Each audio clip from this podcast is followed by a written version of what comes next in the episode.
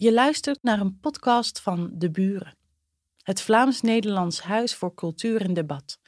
De Buren biedt je gratis originele registraties van debatten en lezingen aan en heeft een uniek literair audioaanbod. Dames en heren, goedemiddag en zeer welkom op onze laatste lunchpresentatie van het jaar. Eigenlijk gingen we al wat vroeger afgerond hebben, maar we kregen de gelegenheid om uh, rector Van Goetem hier te gast te hebben en dat wilden we natuurlijk niet laten liggen. Ik zou een lange inleiding kunnen geven over de vele verdiensten van Herman van Goeten. Uh, onder andere, dat wil ik toch aanstippen, bij de docentkazerne. Uh, dat is toch uh, indrukwekkend en blijvend. Boeken zijn dat ook. En in 1993 was Antwerpen, dat weet u nog wel, culturele hoofdstad van Europa. En toen stelde Antwerpen voortdurend de vraag, kan kunst de wereld redden? De vraag is zoveel jaar later nog altijd niet beantwoord. Maar wat dit boek wel bewezen heeft, is dat je met een boek bijna een ruimtelijke ingreep kunt doen, namelijk de naam van een dok veranderen. En dat gebeurde binnen de twee maanden na het verschijnen van uw boek. Dus dat is toch wel fenomenaal dat dat gebeurde. Misschien kan kunst, kan literatuur, kan geschrift toch de wereld redden. Dames en heren, uh, ik geef heel graag het woord aan Herman van Goeden.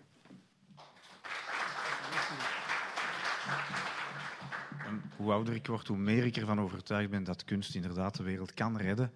Want de harmonie die men nastreeft in kunst is, denk ik, een hele belangrijke eigenschap in deze zeer gepolariseerde samenleving na te streven en begerenswaardig.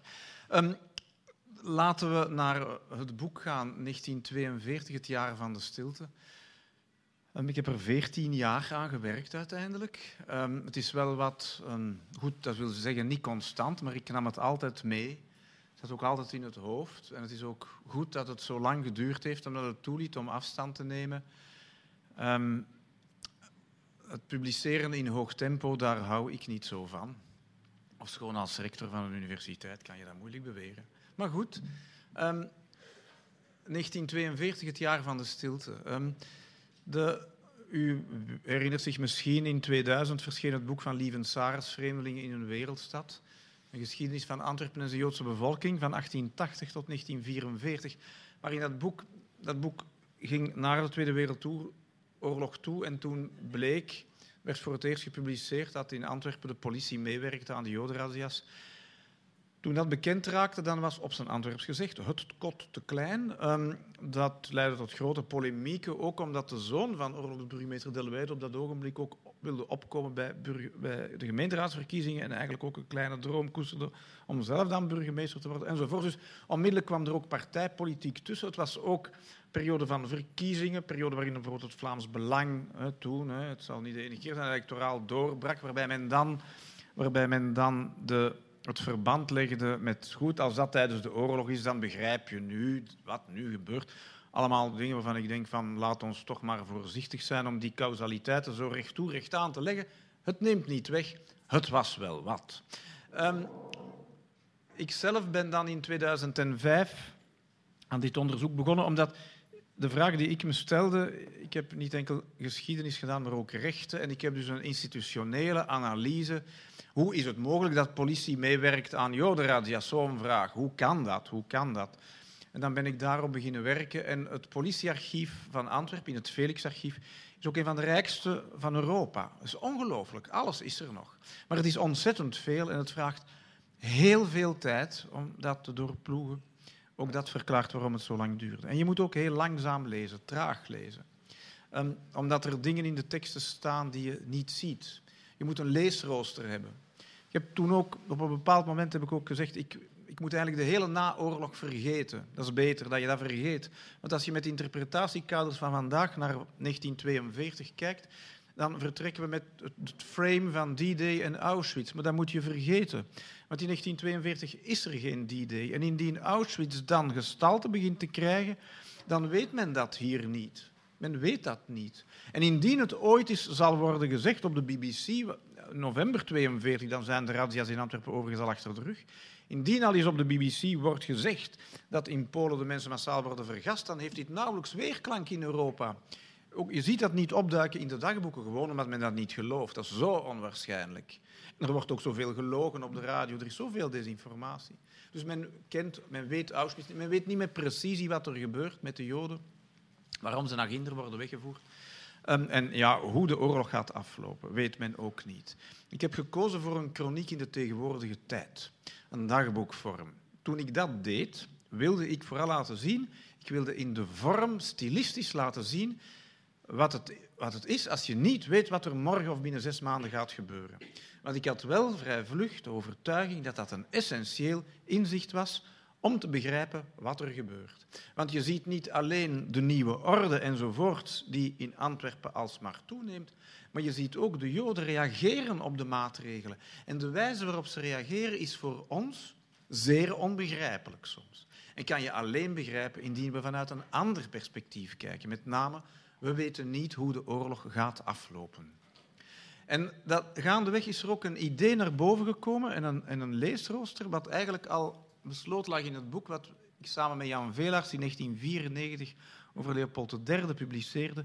Toen hadden we eigenlijk via de archieven van het, uh, het, het, uh, het Koninklijk Archief, hadden we eigenlijk gezien dat bij de koning tijdens de oorlog heel aanwezig is de idee van een compromisvrede. Er zal een vrede onderhandeld worden.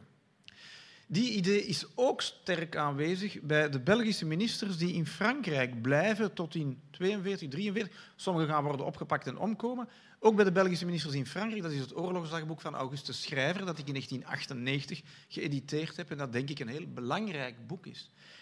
En je ziet daarin dat die mensen in een andere wereld leven. In een wereld waarbij ze denken dat bijvoorbeeld in Duitsland het leger de poets, een poets zal um, uitvoeren en dat dan anderen, het leger zal naar voren komen en zullen onderhandelingen beginnen.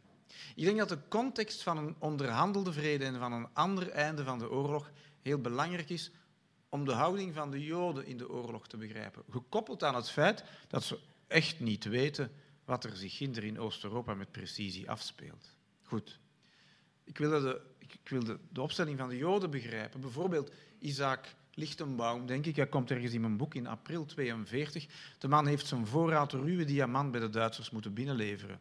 640 karaat en hij heeft een ontvangstbewijs gekregen voor de voorraad ruwe diamant die hij aflevert. Stel je vast dat die man dat attest verliest en die is in paniek.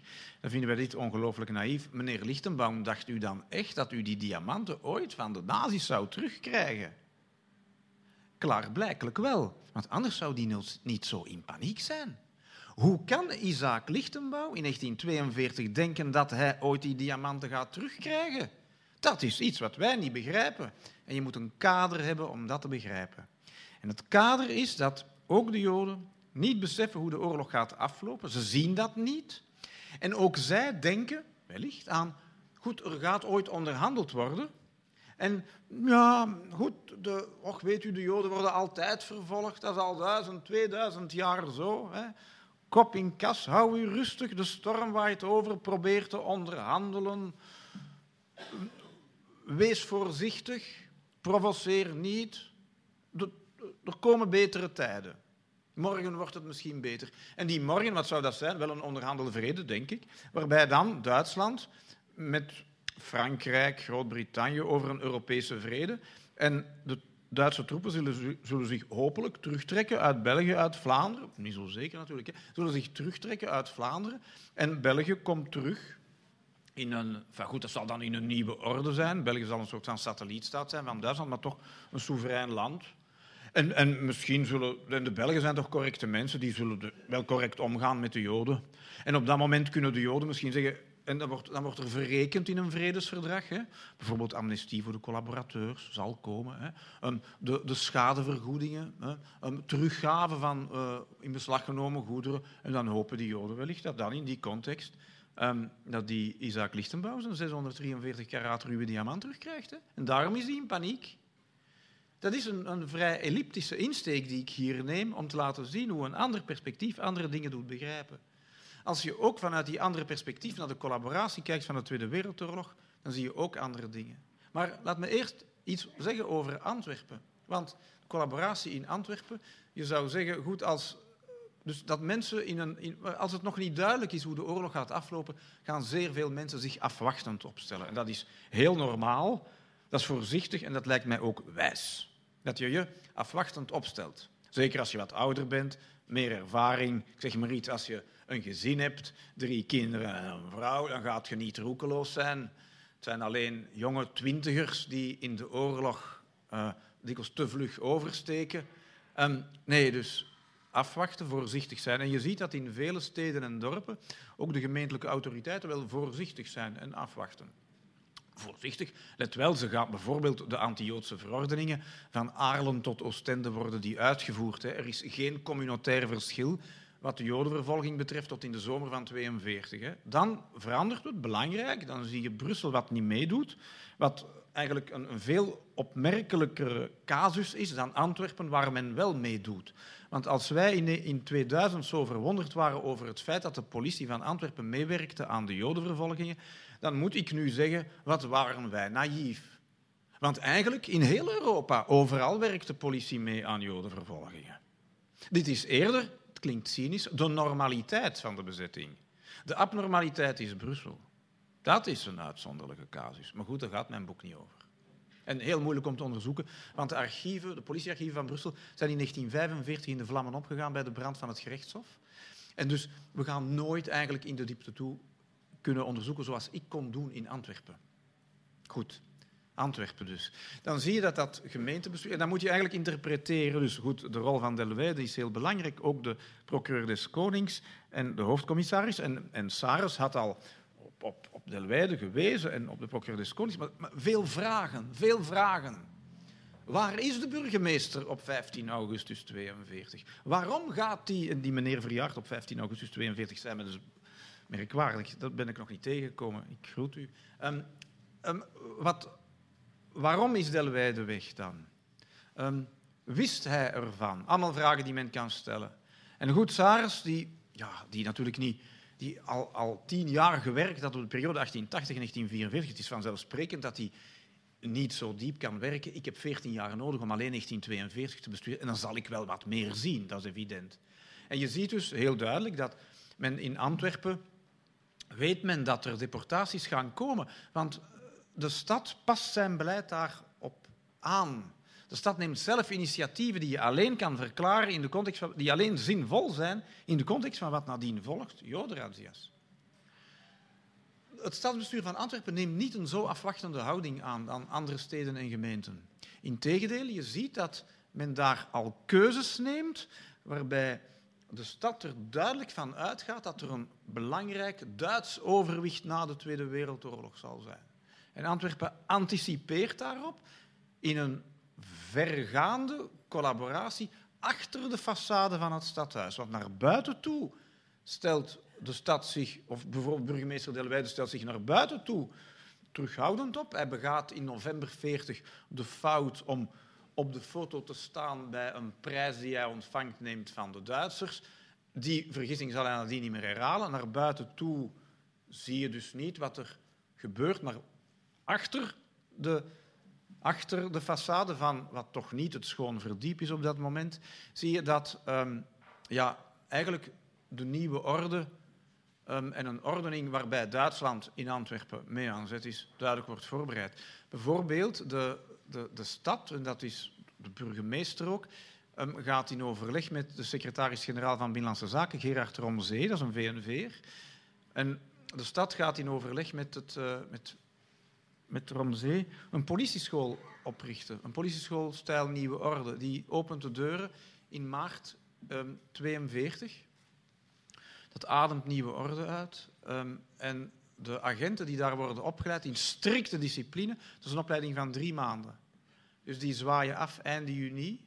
En je ziet en, dat die agenten in de razzia's zullen worden ingezet. Die jonge kerels die daar zijn opgeleid. Waarvan in een dossier in het auditoraat na, het, na, na de oorlog zegt een van de, van de politiecommissarissen die in de collaboratie zat, zegt over die, die van de politie, oh, die mannen, daar hebben we veel last mee gehad. Die waren jong en zonder genade. En als die dat zegt, dat is een heel belangrijke uitspraak. Hè? Want hoe zou je dat kunnen aantonen? Maar die zegt dat. Die zegt, oh, daar hebben we veel moeite mee gehad. Uh, die waren jong en zonder medelijden. Dat zegt hij. Jong en zonder medelijden. Je kan het je voorstellen. Hè?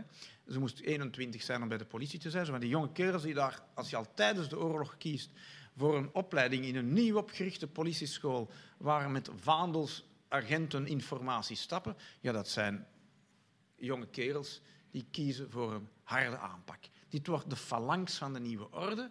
En die agenten zullen ook bij voorkeur worden ingezet, uh, prioritair worden ingeschakeld in de jodenrazzia's. Je ziet in Antwerpen allerlei dingen gebeuren.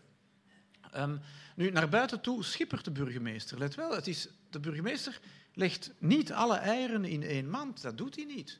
In de politieschool gaat hij bijvoorbeeld um, de cursus strafrecht geven aan een anglofiel en de cursus strafvordering aan een nieuwe orde gezinde. Dat zie je. Dat zie je. Dus hij, hij schippert wel. Dus de radicale VNV'ers, die meer vergaand, die ook naar buiten toe collaboreren, die zijn boos op Delweide. En die verwijten hem van de kat uit de boom te kijken. Dat is in een zeker opzicht juist, maar anderzijds onderschatten zij tussen haakjes Delweide. Want Delweide gaat wel ver. Gaat wel ver. Die politieschool is daar een voorbeeld van. Um, het, het berispen van agenten die niet voor Duitsers hebben gegroet, het opleggen van tuchtsancties aan uh, agenten in zo'n context, dat is significant. Of schoon misschien niet heel relevant, maar toch, het zegt iets. Maar die, die razzia's worden verder mee voorbereid. Ik schrijf in mijn boek, de stad reikt het kader aan voor de razzia's. Weten ze dat die gaan komen? Dat kan ik niet bewijzen. Maar wat ze doen, wat ik daar zie, kan ik heel goed interpreteren in functie van de razzia's die komen. Ik geef andere voorbeelden. Um, laten we ook dit zeggen. Einde mei 42 wordt de Jodenster ingevoerd. Um, weet u wat de burgemeester van Brussel in zijn dagboek schrijft? Koelst, Jules Koelst. Ah, de Jodenster. Il est clair que les déportations vont commencer. Dat zegt hij in zijn dagboek. dat is interessant, dat getuigt van een politiek inzicht. Maar dan denk ik, ja, als Koelst dat inzicht heeft, dan kan Delweide dat ook wel hebben. Heeft hij dat? Ik denk dat hij dat heeft. Want wat doet hij? Um, goed, dus de politieschool is daar en die agenten zijn klaar. Um, in, um, hij gaat in juni 41 gaat de stad zich de vraag stellen of een bepaald magazijn waar in december 40, januari 41 Joden in waren opgesloten. Het beddenmagazijn van de Van Diepenbeekstraat, dat is een militair magazijn. En er staan legerbedden gestapeld. Ja, daar kunnen natuurlijk mensen in opsluiten. Hè. Dat is handig, hè? Dan kunnen ze liggen hè, op die bedden. Dan kunnen die dagenlang vasthouden. Hè. En dus dat magazijn had men gebruikt in 41, 40, 41, want de Duitsers hadden beslag, beslag gelegd op dat magazijn. Na februari, maart 41 gebruiken de Duitsers dat magazijn niet meer, maar het blijft geconfiskeerd. En dus er moet altijd een politieagent zijn, een Antwerps politieagent, die daar de wacht houdt over een leeg gebouw. Ik veronderstel dat hij daar dan kaarten met zijn vrienden en zo. Hè. Een, leeg gebouw dat door de Duitsers in beslag is, waar een agent is die de wacht houdt. Wel, in juni 42, in dat leegstaand magazijn waar die agent is, gaat, gaat, stelt men in Antwerpen de vraag of... Nee, ten eerste, men neemt het initiatief om dat gebouw op te kalfateren. Dat doet men, want de waterleiding was gesprongen in de winter. Men zegt dat moet, uh, dat moet hier terug in orde worden gebracht. En men stelt ook de vraag of de bewakende agent geen dienstwapen moet hebben, die is ongewapend of die niet gewapend moet zijn. U zal nog zeggen, well, goed, oké, maar niet veel zaaks. Ja, maar als dan de razzia's beginnen, 15 augustus, blijkt dat de Duitsers dat magazijn niet gebruiken. Want er is de Dossin-kazerne die pas geopend is. Ze gebruiken het magazijn niet. En wat doet Elweide een paar dagen later? Die schrijft een brief aan de Duitsers met de vraag of ze nu het magazijn niet willen vrijgeven. En dan denk ik, ja, dit, dit is wel rond.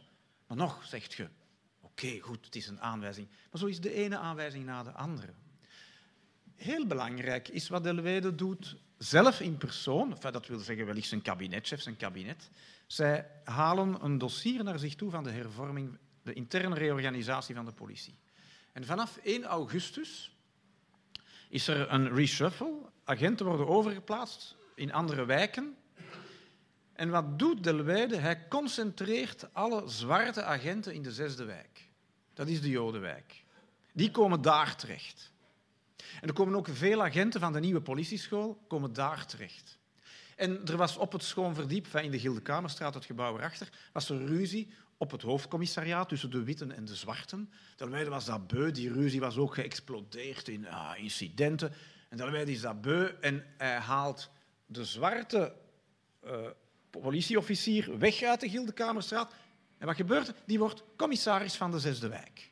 Dat is de Jodenwijk. Dus vanaf 1 augustus is de Zesde Wijk in handen van de notoire zwarte commissaris, die dus naar daar is verplaatst, plus een heel aantal zwarte agenten die daar worden verplaatst. Het gaat voort, dan komen de razzia's. Ik maak ook de analyse van, die razzia's zijn goed georganiseerd. Dat is niet zomaar ineens, uh, wat joh, het zit goed in elkaar. Ik analyseer ook bijvoorbeeld hoe die equipes zijn samengesteld. Um, dat zijn dan ploegen van, van vijf, zes man, en die moeten dus joden in straten gaan oppakken. Maar die, dat is heel goed um, opgevat. Dus die ploegen, er zit in elke razzia-ploeg van de politie zit een inspecteur van de politie. Elke ploeg heeft zo een. Dat is een die tuchtrapporten maakt tegen agenten die niet meewerken. Dat is, ik zou zeggen, nee, niet lui de Moscou, maar lui d'Anvers. En dus, er zit dus een politieinspecteur in elke ploeg die nagaat of het goed verloopt. Dat is één. Ten tweede, de agenten, ze zijn met vijf of zo, die worden allemaal uit verschillende wijken genomen. Dus die kennen elkaar niet. Hm? En die van de zesde wijk natuurlijk, die zijn, worden ook ingeschakeld voor andere klusjes en zo. Maar dus men gaat dat toch wel mengen. En natuurlijk, agenten die elkaar niet kennen, elkaar aanspreken tijdens een razzia voor te zeggen van zouden we dit of dat doen of niet doen, dat is heel gevaarlijk, want je kent die anderen niet. Dat kan een nieuwe orde gezinde zijn. Die ploegen zijn goed samengesteld. Dat gaat efficiënt lopen. De agenten worden thuis opgevorderd en, en je stelt ook vast dat, er, dat het eigenlijk, de radia's verlopen niet zo vlot als de stad wil. Want er is ook tegenkanting bij die politie. En eigenlijk is dat, dat nuanceert wel wat die analyse van, van, van Sars, die zegt de politie van Antwerpen werkt mee aan de jodenradia's. Ja, ja, zwaar, maar goed. Het, en ten eerste, de de burgemeester en de hoofdcommissaris hebben een veel actievere rol en dus die, um, die wijzen op tucht en discipline. Um, en um, ten tweede, het zijn, ook, het zijn in totaal ook niet alle agenten. En, en ten derde, er is bij die agenten ook heel wat tegenkanting. Maar dat is overal zo, weet u. Ook in, ook in Polen, ook in Bordeaux, Lyon, Amsterdam. Overal heb je bij hele moeilijke opdrachten wat tegenkanting. En dat is eigenlijk evident. Want op het moment dat je dus een opdracht moet uitvoeren waarbij je bij wijze van spreken bijna mensen naar het leven staat, hè, dan, dan, denk je wel, waar, waar ben ik mee bezig? En je ziet dus bij die agenten ook wel ontredderde reacties. Dat zie je. Er zijn agenten die um, aan mensen vragen, kunt je ergens naartoe? En als die ergens naartoe kunnen, dan zeggen die, mag dat je weg zijn. Er zijn agenten die alleen de mannen aanhouden en de vrouwen en de kinderen laten zitten. Um, en, je, je, merkt dat, dat in die uitvoering gebeurt van alles. Maar globaal um, haalt men wel de quota hoor. Dus je ziet dat daar, er, zijn, um, er is wel tegenkanting verzet, maar dat vind je overal. Overal. Dat vind je zelfs bij die, uh, bij die commando's in Oost-Europa die massa-executies moeten uitvoeren. Er zijn ook mannen tussen die zeggen van ik wil dit niet doen. En dan moeten die dat niet doen. Er is geen enkele casus bekend van een iemand die door, Duitse, door de Duitse overheid gefusilleerd is tijdens de oorlog omdat hij geweigerd heeft iemand te doden. We kennen niet één casus in de militaire geschiedenis van het Duitse leger. Omdat hij geweigerd heeft orders uit te voeren. Zo'n orders, hè, zulke orders. Integendeel, de Duitsers geven de marge. Als die Einsatzgroepen beginnen massaal neer te schieten, dan is er dikwijls eerst een speech van de van de, dus je ziet dat heel goed in Christopher Browning, zijn boek dat in 1991 verscheen over een, een commando um, van, van de Weermacht overigens in Oost-Europa. En dus eerst begint dat met een speech waarbij dat de, de wat is dat, de, de sergeant of hoe dat, dat ook heet, die heeft zich eerst moed ingedronken en die is lijkbleek en die zegt, mannen, nu moet ik u iets verschrikkelijks zeggen. Tot nu toe hebben wij de mannen gedood, de Joodse mannen. Maar nu gaan we ook de vrouwen en de kinderen doden. En ik moet u dat zeggen, dat is verschrikkelijk. En we moeten dat doen omdat die vrouwen kinderen gaan dragen en wat die kinderen zich later tegen ons gaan wreken. En daarom moeten we die doden. Dus die wil dat rationaliseren. En die speeches vind ik ook in Antwerpen, maar op een ander niveau. Waarbij ook de Duitsers aan de Antwerpenaren uitleggen... ja, we gaan nu radias moeten doen, want het is belangrijk. En daarom en daarom en daarom. En je ziet dat in Oost-Europa op zo'n momenten um, is, wordt er dikwijls ook de marge gegeven. Wie niet wil doen, doet een stap vooruit. Christopher Browning telde 5%. 5% van die kerels die dan een stap vooruit zetten en zeggen: Hier doe ik niet aan mee. Die worden niet gestraft. Ja, die hun carrière, hun militaire carrière, is natuurlijk wel gebroken. En dan mogen die, ik zeg maar, wc's gaan kuisen of kaartjes duwen. Hè. Dat is evident. Maar eh, die mogelijkheid is er. En je krijgt ook overigens, als ze beginnen schieten, dat er mannen na, als ze tien of mensen of zo hebben doodgeschoten, zeggen: Ik kan dit niet doen. Ik kan dit niet doen. Er is geen groot verschil tussen de weigering van de ene en de andere. Maar toch is er naar ons strafrecht natuurlijk een immens verschil. Hè? Want die ene heeft er wel tien doodgeschoten en die andere niet. Maar dat is de context van weigering. De Duitsers zijn tussen haakjes slimme dictators, zijn goede psychologen, de Duitsers. Die weten dat je een marge moet geven in zo'n context om nee te zeggen. En ze geven die, want de totale quota worden gehaald. Als je dat niet doet, als je geen marge geeft, dan krijg je insubordinatie. Dan gaat men een wettig bevel achter de rug om saboteren. En dan moet je tegengaan. En dus moet je een marge geven. En dat weten de Duitsers. In Antwerpen, Delweide en de hoofdcommissaris die weten dat niet. Die dringen aan op de meest strikte discipline. Er zijn enkele agenten die weigeren om deel te nemen aan razzia's. Zoals je dat dus ook in Oost-Europa ziet. Maar in Antwerpen is er geen marge. En dan, en dat voor mij, dat is de, de sluitsteen van de analyse van de vraag of, of Antwerpen weet en wil wat er gebeurt.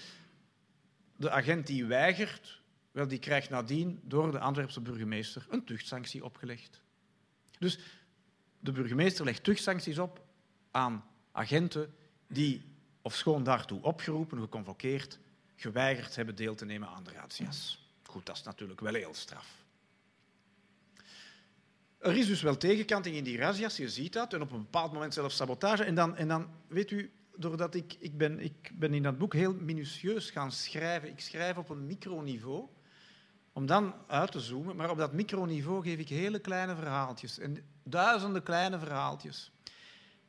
En die, in de oorlog is de realiteit veel sterker dan de fictie. Er zijn daar voorvallen in waarvan je zegt, ja, moest, dat nu, moest Jeroen, dat nu hebben, Jeroen Olieslagers dat hebben overgenomen in Wil, hij zou het niet gedaan. Hij heeft dat ook gezegd over bepaalde dingen. Ja, dat kon ik niet nemen, dat zouden mensen niet geloven.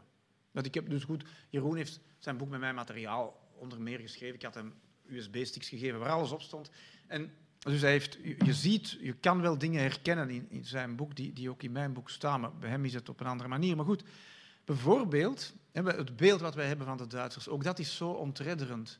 Het beeld wat we hebben van de Duitsers. Um, u, u, denkt dat wie zich verzet onmiddellijk wordt gefusilleerd. Hè? Oh ja, hè? en mishandeld. En, zo werkt dat absoluut niet, beste mensen. Want er zijn veel vormen van verzet. Natuurlijk, iemand die een aanslag pleegt, dat is natuurlijk, uh, ja, goed. Maar en iemand die sluikpers voert, ja goed, die wordt veroordeeld tot gevangenisstraf. Maar die kan nadien vrijkomen hoor. Drie maanden gevangenisstraf en nadien vrijkomen. Dat is het begin van de sluikpers. In 43, 44 is dat al minder. Of meer. Maar de Duitsers, er valt absoluut mee te onderhandelen. Je komt echt wel fatsoenlijke Duitsers tegen. Uiteraard natuurlijk. Maar zelfs bij de SS, zo lijkt het. Je weet niet soms wat het is. Um, um, Albert Rampelberg heet hij. Ik denk dat hij Joods is, maar ik ben niet zeker. Hij is genaturaliseerde Belg, een Nederlander. Hij is in ieder geval getrouwd met een Joodse, ik geloof Jana Herskovikova. En um, er is een, een Vlaamse SS'er die Diana probeert af te truggelen. En wat doet die Albert Rampelberg? Die gaat klacht indienen bij de Gestapo in de Louisa-Laan tegen de Vlaamse SS'er. Hij, getrouwd met een Joodse, misschien zelf ook Joods, gaat een klacht indienen tegen een Vlaamse SS'er die, we zijn maart 42, hè? Bij, tegen een Vlaamse SS'er bij de SIPO. U denkt, dat die man wordt onmiddellijk opgepakt. Bonnet, Monet. De Duitsers treden op tegen die SS'ers. En dan een van die Vlaamse SS'ers, die is dan zo kwaad dat die Rampelberg dat is gaan doen, dat hij daar in de Kruikstraat in Antwerpen binnenvalt bij Rampelberg op de eerste verdieping. En die geeft Rampelberg slagen en komt een Joodse vriendin langs en die krijgt ook meppen. En hij zegt, dat zal u leren om de, om de SS'ers aan te geven bij de Duitsers. De volgende keer schiet ik u allemaal neer, zegt hij. En die man gaat terug door en die gaat een pin pakken in het café op de Hoek.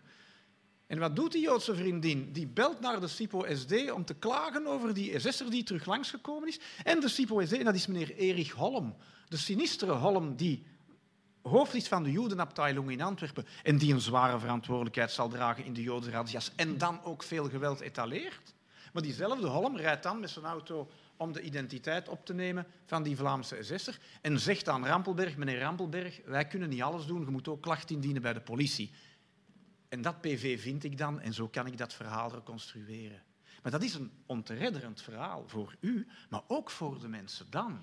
Hoe moet je dit allemaal inschatten? En meneer Rampelberg zal in maart 1942 denken dat Erich Holm best wel een fatsoenlijke man is. Hij vergist zich. Um, u denkt dat die agenten, goed, ze krijgen een tuchtsanctie van Delweide, twee dagen verlies van vakantie en een vermaning.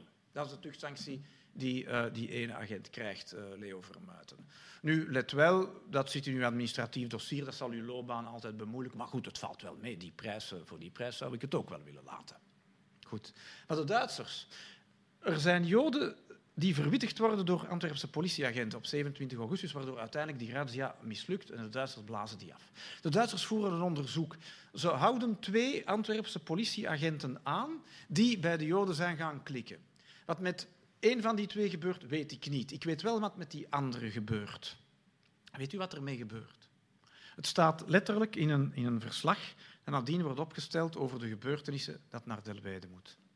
Die ene agent, waarvan ik de naam niet ken, terloops, die agenten die de Joden aan verwittigd, die hadden um, geld gekregen van de Joden. dan zijn die redders corrupt. Ja, goed. De dingen zijn complex. Um, u mag natuurlijk in de uitoefening van uw dienst geen geschenken aanvaarden, maar ik zou als advocaat pleiten dat, als ik die moet vergeten, pleiten zou ik zeggen, kijk, die Joden hebben, die gaan naar het buitenland, die kunnen geen Belgisch geld meer meenemen, want dat wordt waardeloos. Uh, ja, dan geven ze het aan die agent. Er zijn er die aan een van die, van die twee agenten een kinderwagen geven. En we kunnen de kinderwagen niet mee op de trein nemen. En dat is uw wijkagent waarvan je weet dat hij pas vader is geworden. En dat zijn ook arme sloebers en die krijgen een kinderwagen cadeau. En, en een van die twee agenten krijgt tien eieren. Tien eieren. Ja, maar je kunt die niet meenemen en die eieren worden slecht, want er zijn geen ijskasten. Dus je geeft dat aan die mensen. Ik denk, zo gaat dat. En natuurlijk, er wordt ook gestolen.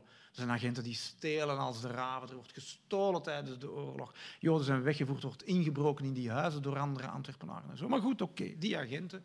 Ze hebben Joden verwittigd en ze hebben geschenken gekregen. Die moeten bij de Duitsers komen. Zo staat dat in het verslag. En dat is bij de SIPO-SD. Daar hij genade smeekte op het hoofd van zijn drie kinderen, kregen de Duitsers medelijden met hem. Hij moest de duizend frank die hij ontvangen had storten voor winterhulp. En hij mocht naar huis. En dan denk je, dit kan niet. Zo gaat dat. Dus die, er zijn dus agenten die klikken en zo. En die, die, maar de Duitsers weten dat ze daar ook voorzichtig mee moeten omgaan. En die weten dat dat eigenlijk ook normaal is. En dat je misschien je korps toch te vriend moet houden. Dus ook niet te streng optreden tegen de die. Die zal ook wel uh, wat, uh, wat kletsen om zijn oren gekregen hebben, zeker wel. En die mocht naar huis en moet die duizend frank overschrijven en het dossier is afgehandeld. Natuurlijk gaan de Duitsers wel zeggen, ze gaan heel kwaad zijn, ze gaan zeggen de volgende raad moet de Antwerpse politie helemaal alleen doen. Er komen wel sancties. Maar kijk hoe anders die verhalen, en dat is ook in mijn boek. En dat is, ja, dan zeg je 1942, wat een vreemd jaar. Want in 1943 is het allemaal veel scherper veel scherper. En in 1944 nog veel scherper. Dan ga je denk ik niet meer uh, gestapo mensen tegenkomen die aan iemand zeggen, stort dan maar terug voor winterhulp. Nee, nee. Dan kom je misschien in Breendonk terecht. Ja, dat zal wel zijn. Dan word je misschien ter dood veroordeeld ook. Dat kan wel. We zijn in 42. En dus die, die, die dingen... En dan zie je hoe eigenlijk in Antwerpen... Goed, en de Antwerpse politie werkt mee dus aan de jodenrazzia's en we halen de quota. Ze pakken een paar duizend mensen mee op samen met de Duitsers, zoals in Amsterdam, zoals overal, overal. Eigenlijk is Antwerpen niet uitzonderlijk. Behalve wat vreemd is, is dat Delweide niet nieuwe. Dat is een, een christendemocraat, dat is geen VNV'er. Ja, dat zou je kunnen zeggen. Ja. Het is traditionele establishment. Maar in Luik is dat ook zo. Hè. In Luik is Joseph Bologne burgemeester. Dat is een, uh, een socialist. En eigenlijk wijst alles erop dat Luik tot en met de razzia's analoog was aan Antwerpen. Maar we hebben te weinig gegevens. Maar het ziet er heel duidelijk naar uit dat dat van hetzelfde laken een brok is. Alleen op een kleinere schaal, want er zijn veel minder Joden. Maar goed, ehm, de razzia's eigenlijk in, in eind oktober zijn de razzia's achter de rug. En dan zijn in heel België 18.000 Joden opgepakt. Dat zijn 18.000 van de 25.500 die uiteindelijk zullen worden gedeporteerd. Dus in de eerste, in les 100 jours, wat Maxim Steinberg noemt, in de eerste 100 dagen is het verrassingseffect compleet. En ops, worden 18.000 Joden opgepakt. En de anderen zullen druppelsgewijs worden opgepakt door verklikkingen nadien. En ook de Belgische Joden, de razzia van september 43 enzovoort. Um, eigenlijk zou je kunnen zeggen, allez, goed, het, het verhaal van de, van de Joden en de razzia's is achter de rug eind oktober. Maar dan zie je in Antwerpen hoe alles keert in november. En dat heeft Sarers beschreven. En ook Nico Wouters, boek Oorlogsburgemeesters, die geeft dat aan. Hé, er gebeurt iets belangrijks eind oktober, begin november 42. En die verbinden dat met de verplichte tewerkstelling. Er wordt de verplichte tewerkstelling uitgevoerd. Het is juist dat dat chronologisch daar gebeurt. Maar er is iets veel belangrijker wat gebeurt. Wij kijken als historici allemaal veel te veel naar ons eigen biotoop. Wij analyseren alles vanuit de focus België of Vlaanderen, Vlaanderen, Vlaanderen, maar er is een geopolitieke context. Er doet zich iets veel belangrijker voor, wat ook de verplichte tewerkstelling verklaart. Begin november 42 wordt Rommel verslagen in El Alamein. En dat is een gigantisch belangrijk moment we weten dat wel, dat dat belangrijk was. Maar het is veel belangrijker dan men denkt. En dat is eigenlijk de ruimere stelling in mijn boek. Waarom noem ik 1942 het jaar van de stilte? Omdat men tot in 1942 algemeen, de intelligentsia, of intuïtief, gevoeld mensen, men hield rekening met twee mogelijkheden. Men hoopte een totale geallieerde overwinning als men pro-geallieerd was. Maar men dacht ook aan de mogelijkheid van een onderhandelde vrede. Dat waren twee mogelijkheden. En wat je ziet is dat alles keert en dus die ene mogelijkheid, de compromisvrede, wordt losgelaten in november, december 42, bij wie plus minus pro-geallieerd is of niet al te zeer pro-Duits, laat ons zeggen. Of wie zich nog niet te veel verbrand heeft, laat ons dat zeggen. Die mensen, die, en dat zie je in de oorlogsdagboeken, na El Alamein, in El Alamein gaan de geallieerden bezit nemen van de Middellandse Zee. En er opent een front vanuit de Middellandse Zee. Dus dan ziet men in bezet België, zegt men, ah, dan gaan de geallieerden komen via Italië, Frankrijk, Parijs en ze gaan langs daar België bevrijden. Dat is dus niet die idee, maar dat is dus vanuit de Middellandse Zee. Dat ziet men. Dat is één. En dan in december wordt het duidelijk dat Stalingrad, het zesde leger van Von Paulus, de nederlaag gaat leiden. Ah, dan gaan ze ook uit het oosten komen. En dan zegt men, ja maar, nu is het reëel dat Duitsland kan worden verslagen. En in die optie laat je natuurlijk de compromisvrede los. En de geallieerden gaan in de verklaring van Casablanca in januari 1943 gaan niet Stalin, maar Roosevelt en Churchill gaan zeggen dat ze vanaf nu vechten voor de unconditional surrender. Oh ja, dat weten we allemaal al lang. Maar ik stel vast, ik kan natuurlijk niet de literatuur van de hele wereld overzien, dat is mijn probleem. Wel wat in een zo, als, je, als je met die dingen begint, maar wat dan betekende dat dat er voordien wel gedacht werd aan een conditional surrender. Hè? Want anders hadden ze dat al eerder verklaard, aan de unconditional surrender. Maar dat zie ik in België en dat zie ik in de Belgische regering in Londen ook. In België keert alles. Het is zelfs zo dat Antwerpen het voortouw neemt in november 42 van het ambtelijke bestuurlijke verzet tegen de Duitsers. En dat deint uit naar België. En eigenlijk houdt de collaboratie van de Belgische overheden met Duitsland op een soort van welwillende basis houdt op einde 42. Het is gedaan. Ook omdat de verplichte tewerkstelling wordt ingevoerd en men zijn eigen kinderen nu zal moeten aanhouden. Maar er is de internationale context. In heel het Hof van Cassatie gaat Groot Antwerpen nietig verklaren, de fusie van Antwerpen. Weet u wanneer die dat doen? December 42. De secretarissen-generaal gaan zich tegen dit en dat keren. December 42. In bezet België keert alles. Maar laten we eens naar de, en ik kijk ook naar de Belgische regering in Londen. Vanuit, men weet dat de Belgische repressiewetten op een bepaald moment worden uitgevaardigd, maar men heeft zich nooit de vraag gesteld, ja, en waarom werden die voordien niet uitgevaardigd? Ik kan niet vragen aan de ministers in Londen, want die zijn er niet meer. Mijn heren, hebt u rekening gehouden met twee hypothesen tot einde 42? Dat kan ik je niet vragen. Want dat zetten ze bijna niet op papier, of schoon ik wel sporen vind bij de Belgische ministers die in ballingschap in Frankrijk zitten. Maar de chronologie van de gebeurtenissen, dat is toch het ABC van de geschiedenis. Hè? Het ene komt voor het andere en het andere komt na het ene. En wat zie je in de Belgische regering in Londen qua beleid? In november, december 42 beweegt het ineens ongelooflijk in de Belgische regering in Londen. Bijvoorbeeld. Um, de brigade Piron wordt opgericht, december 42. Pierrot zegt dat de banden met Groot-Brittannië ook in zaken het leger moeten worden aangezwengeld. Men heeft er een verklaring voor opstand van Belgische officieren en zo in Groot-Brittannië. Ja, waarom kwamen die in opstand? Omdat ons engagement te klein was. In ieder geval vanaf december 42 engagementen in het Britse leger. De banden met de diplomatieke betrekkingen met de Sovjet-Unie worden genormaliseerd. Wanneer is dat? December 42. De Belgische regering beslist dat de besluitwetten van de secretaris-generaal nietig en van geen waarde zullen zijn na de oorlog. Wanneer besluiten ze dat? December 42. En hoe belangrijk is dat niet? De secretaris-generaal, dat is hun hele beleid. Pas dan zegt de Belgische regering dat die besluitwetten nietig zullen zijn. Hebben ze dat niet eerder gezegd? Nee, ze hebben dat niet eerder gezegd. Ze hebben wel in speechen en zo, op, op bijvoorbeeld op 21 juli 1942, de speech van Pierre hè, ja, de verraders zullen worden gestraft. Ja, ja, dat wil ik wel aannemen, maar wat is dat, een verrader? Zij die, de verraders zullen worden gestraft. Zij die zich vergist hebben, zullen rekenschap moeten afleggen. Ja, wat is dat vergissen? Wat is dat rekenschap afleggen? Een ambtenaar kan met zo'n uitspraak niks doen. Maar einde 42 wel. De besluitwet van de secretaris-generaal niet geldig, dat is één. En dan komen de repressiewetten. Dames en heren, de repressiewetten dateren van 17 december 42, niet eerder. En op 17 december 42 verklaart de Belgische regering in Londen dat eigenlijk wetens meewerken met de bezetter strafbaar is. En vanaf wanneer wordt dat strafbaar? Vanaf 1 januari 43. Met andere woorden, de periode voordien is dat niet strafbaar.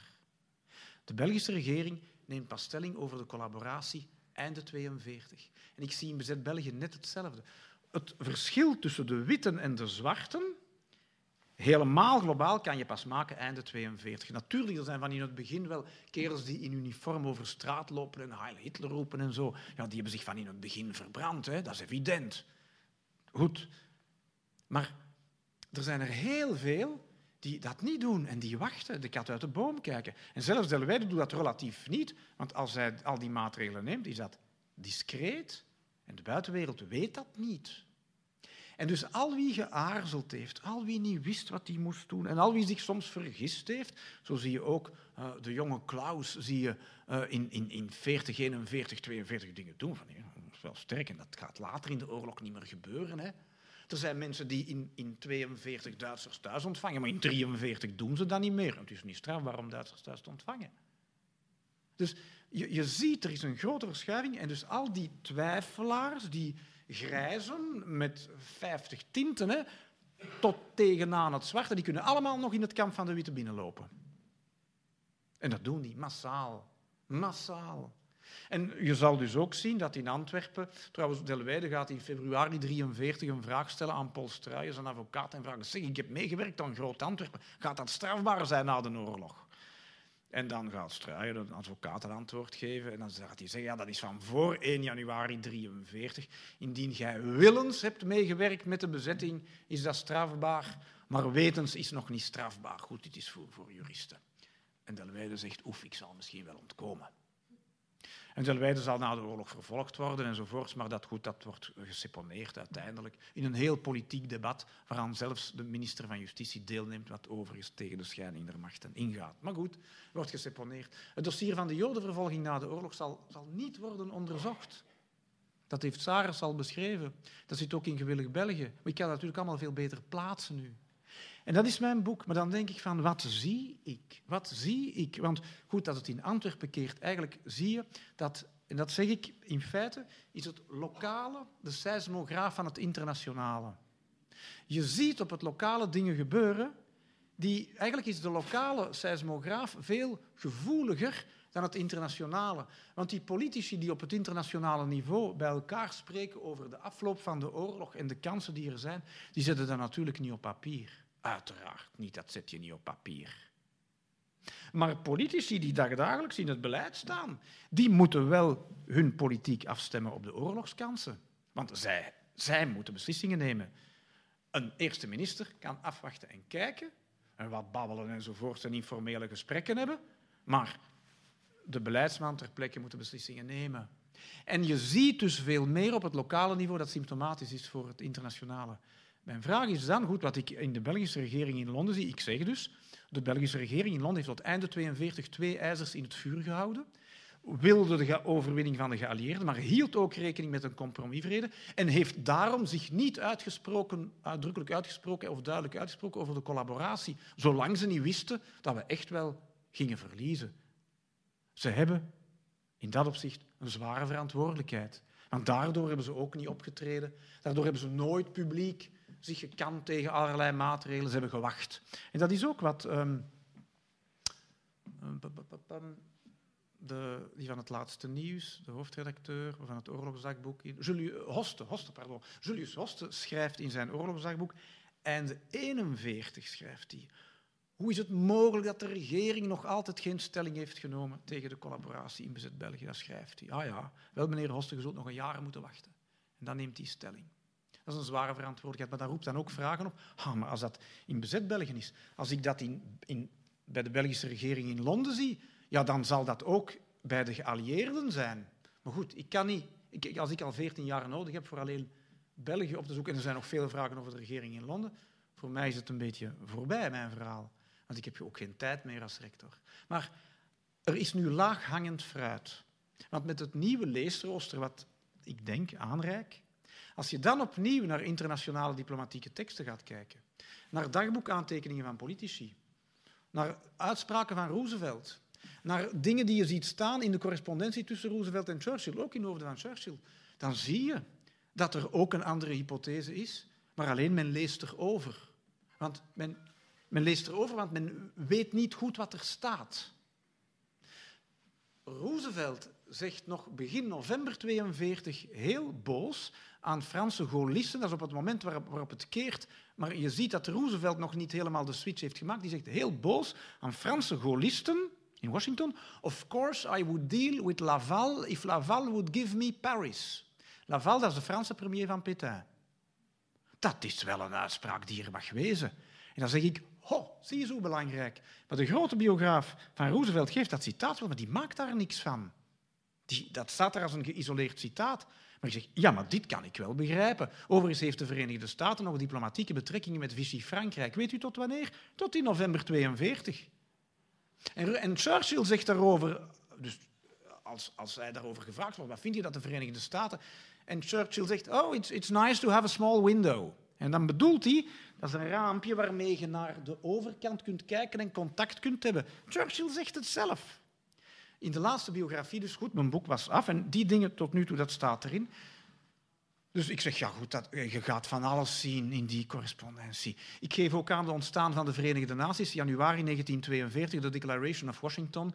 U moet lezen wat ik daar schrijf op 1 januari 1942 en naar de voetnoten kijken. Je ziet letterlijk in de briefwisseling staan die eraan vooraf gaat dat dit ontstaan is in de hypothese van een compromisvrede. En dat dit een oproep is aan het Reich om in een putsch de nazi's opzij te zetten. Dat leest je nergens in literatuur over de Verenigde Naties. Het is ook nogal straf dat de Verenigde Naties ontstaan in de context van een compromisvrede. Dat is ook waar. Maar lees de, de teksten, de briefwisseling tussen de gezant van Roosevelt en, en de Poolse gezant en wat die daar schrijven. Ze zeggen het letterlijk. En hoe komt dat de mensen dat niet zien? Ja, omdat je dat leesrooster niet hebt. Je kan pas lezen als je weet wat er staat. Zo eenvoudig is dat. En er is nu een biografie verschenen um, van Roberts, ik, ken de voornaam niet, um, Franklin Roberts denk ik, een biografie van Churchill, heel dik boek, in het Nederlands vertaald, niet zo'n goede vertaling. Goed, dat is nu enfin, de biografie van Churchill. Dat is uh, Churchill zoals wij die kennen, hè, alles vanuit die day. En, en die wist van in het begin, en die vocht maar voor één hypothese, de totale overwinning van de geallieerden. En dat gelooft u en dat geloofde ik tot ongeveer vorig jaar. Het is natuurlijk vloeken in de kerk om het tegendeel te durven beweren. Maar Um, mijn boek was af en um, wij hebben aan de universiteit de volledige oorlogsdagboeken van Goebbels ooit aangekocht in de editie. Die verschenen zijn bij een, verlaag in, in, Berlijn in de jaren 1990. Dat is een heel dure editie, dat kostte toen ongeveer 4000 frank per deel. Er waren 25 delen, dus dat kost heel veel geld. Boeken, en dus daarin worden de oorlogsdagboeken van Goebbels geëditeerd, die in glasplaten waren ontdekt, dus foto's in, uh, in 1989 in Moskou. En dus de volledige editie van de oorlogsdagboeken. En dat wordt gepubliceerd door een, een Duitse uitgeverij, dure boeken, in het Duits. Ontzettend volumineus. Alleen al voor 1942, uh, ik denk 4000 pagina's. Want Goebbels, als die s'avonds thuis komt, die slaapt bijna niet. In een dicteerapparaat spreekt hij de dag in. Een hele, hele dag. Vier, vijf, soms tien pagina's op een dag. Om dat te lezen, alleen al om 1942 te lezen, ben je, om dat te lezen en te analyseren, ben je vijf jaar bezig. Hè? Dat is zo moeilijk. Het is ook Duits, wat ik niet zo vlot lees. En, en, en, er zit ook heel veel van de tijdscontext dat je moet kennen om te begrijpen wat er staat. Wat is er dus gebeurd? Van de dagboeken van Goebbels zijn verkorte edities in het Engels. Wel, die Roberts die gebruikt de verkorte editie in het Engels. Drie smalle deeltjes in een vertaling. Traduttore, traditore. En goed, een vertaling. En wat, wat gaat zo'n editor eruit halen? Ja, dat wat badinerend is, onbelangrijk of onwaarschijnlijk. Dus wat zie ik in de volledige editie staan? 7 januari 1942. Goebbels, dat is het oorlogsdagboek van Goebbels, hè? Churchill, we horen niks van hem. En weken geleden was hij vaasteklig. Haast dagelijks vroeg hij aan ons dat wij met Groot-Brittannië in contact zouden treden. Dat staat daar. Ik moet nu verder kijken waar we dat nog zien en zo, en ik moet dat geduldig lezen. Maar goed, zal ik niet zijn die uiteindelijk hierover nog die analyse gaat maken. Maar waarom is dat eruit gehaald? Omdat dat vloekt met de interpretatie die wij hebben over een Churchill. Maar als je bij Roberts leest, zie je wel dat Churchill in die periode bijzonder depressief is. En heel moedeloos. En dat hij denkt van, hoe gaat het? Want in 1942 gaat het heel slecht met de geallieerden. Dan denk je, hé, hey, kijk eens aan. En, en ik moet zeggen, ik sta ervan te kijken, want het lijkt ook dit zou dus ook kunnen betekenen dat hij zelfs denkt aan onderhandelen met de nazi's, wat ik heel straf vind, want ik kader daar nog in in de hypothese van een putsch. Maar ja, maar ja. En als je aan diplomaten dit alles zegt, dan zeggen die, maar natuurlijk hield iedereen rekening met twee. Natuurlijk waren er contacten. Dan denk ik, maar natuurlijk is dat zo. Wij moeten, denk ik, de Tweede Wereldoorlog is, valt uiteen in twee fasen. Enfin, goed, er is het begin, maar er is tot einde 42 en er is 43 tot 45. En ik denk dat dat een andere analyse is. En ja, goed, daar is dus nog heel veel werk. En ik denk dat er nog heel veel te schrijven en te onderzoeken is. Er is nog werk voor 50 jaar. Dank u wel. U mag.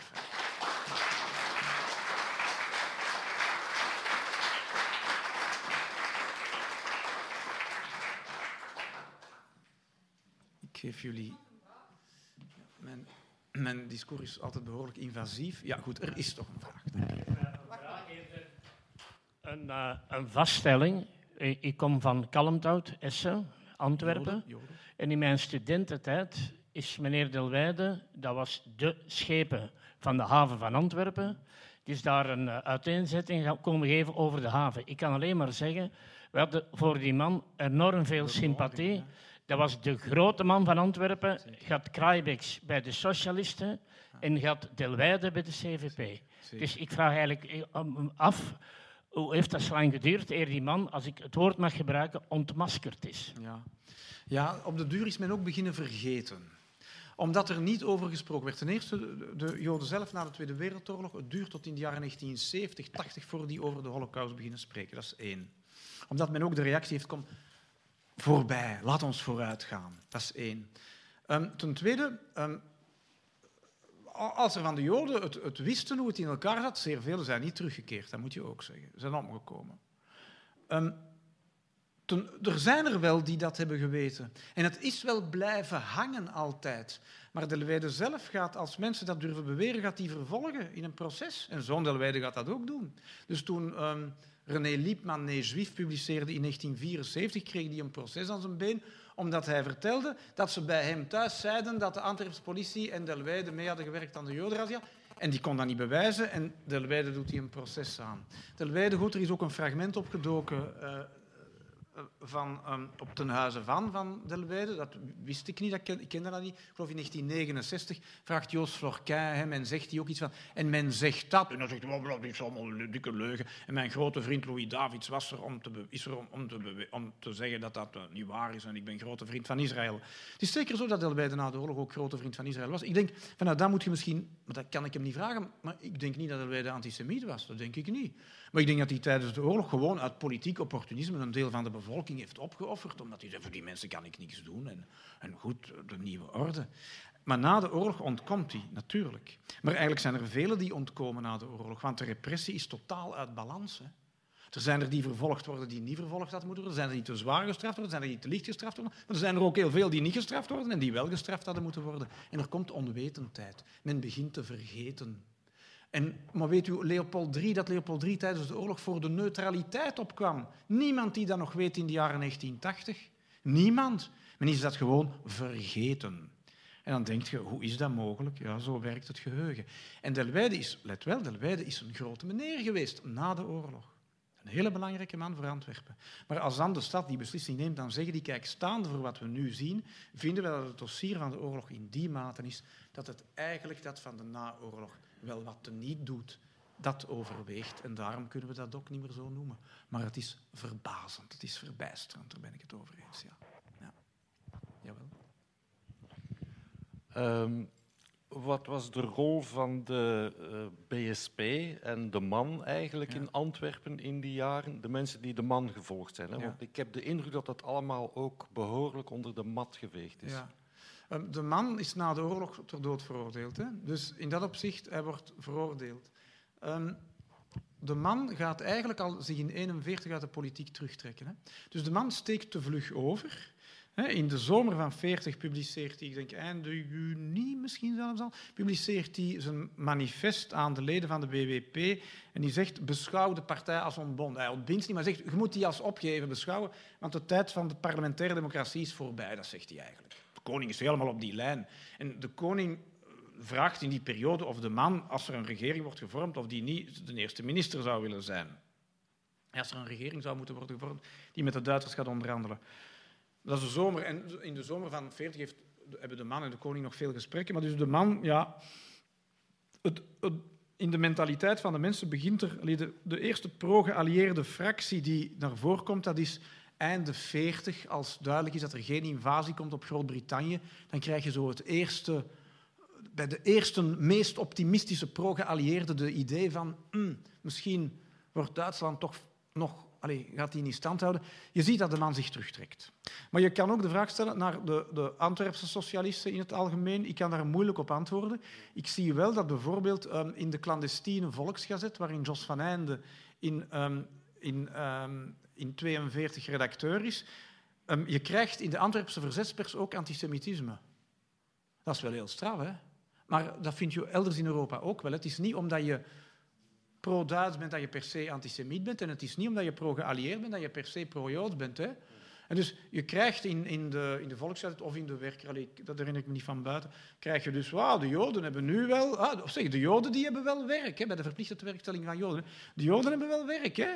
Ja, en zij hebben, zij, zij hebben nu wel een ster, maar wij kunnen dat wel, die ster wel op onze buik naaien, hè, want wij hebben geneten. Zo.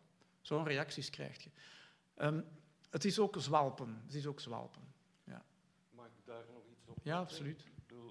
Mijn familie speelde een belangrijke rol in het stadsonderwijs van Antwerpen ja. voor de oorlog. Ja. waren al uh, generaties lang vrijzinnig en ja. socialist. En Dus een deel van de familie heeft de man gevolgd, het andere deel niet. Vandaar dat een grootoom van mij, die niet gevolgd is, een straat heeft in Berchem eh, met als opschrift gestorven onder de nazi-barbarij. Is dat um, de Willem van Laagstraat? Exact. Goed geraden, hè? Ah ja, kijk. Ja, ah, ja. dat is een ah, grootoom van, ah, ja. uh, van mij. Ik ben vereerd. Ja. Um, misschien, misschien hier nog een vraag.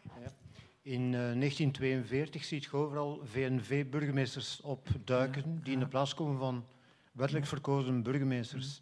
Is dat in Antwerpen ook aan de orde geweest? Is dat misschien een reden geweest om een beetje meegaander te zijn met de bezetter? Um, ja, Delwijde is geen VNV, hè?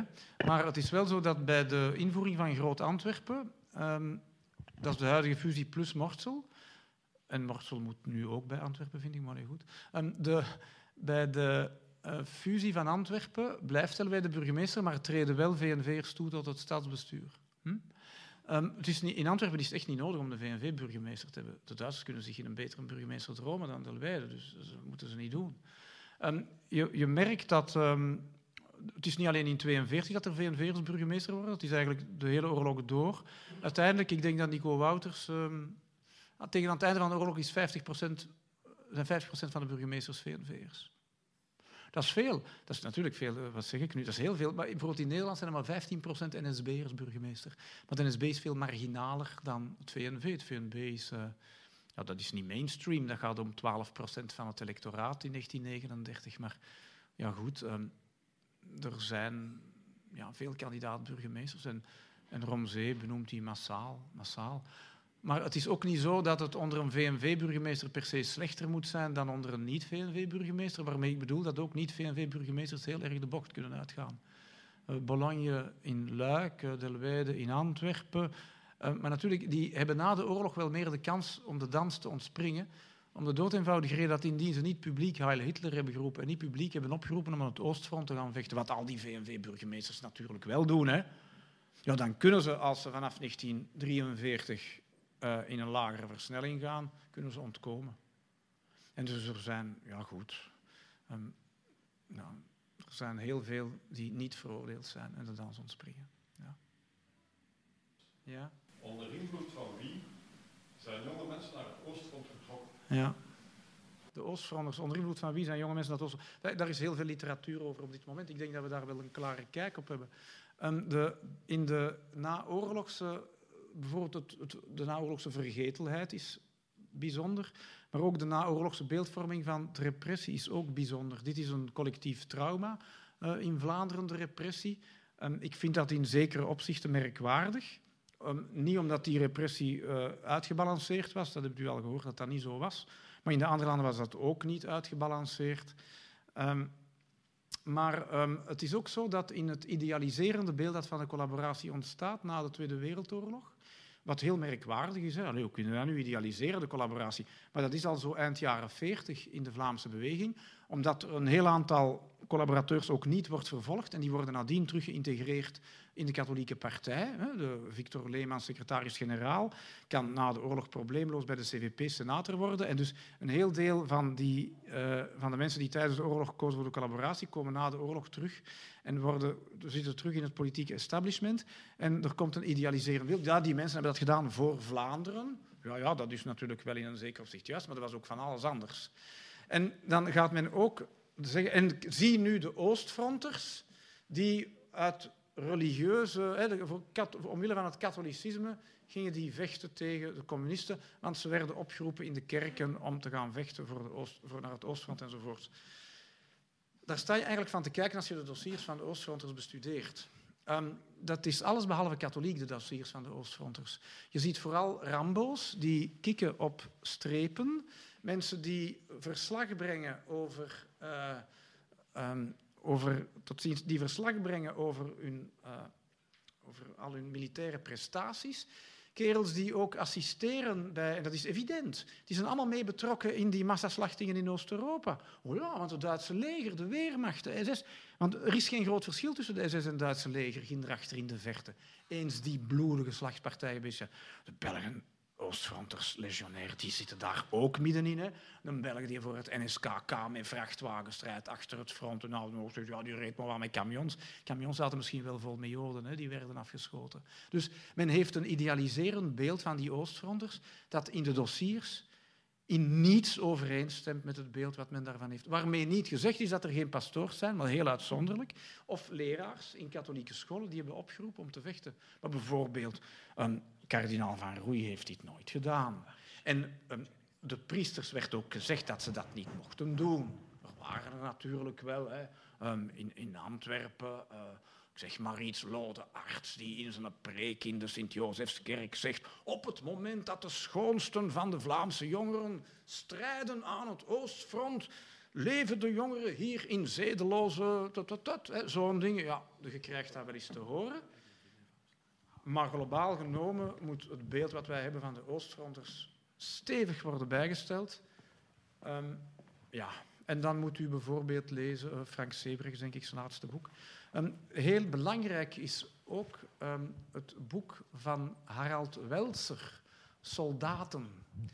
Welser, W-E-L-Z-E-R. Dat is eigenlijk een van de belangrijkste publicaties om gewoon het nationaal socialisme en het functioneren van het Duitse leger te begrijpen.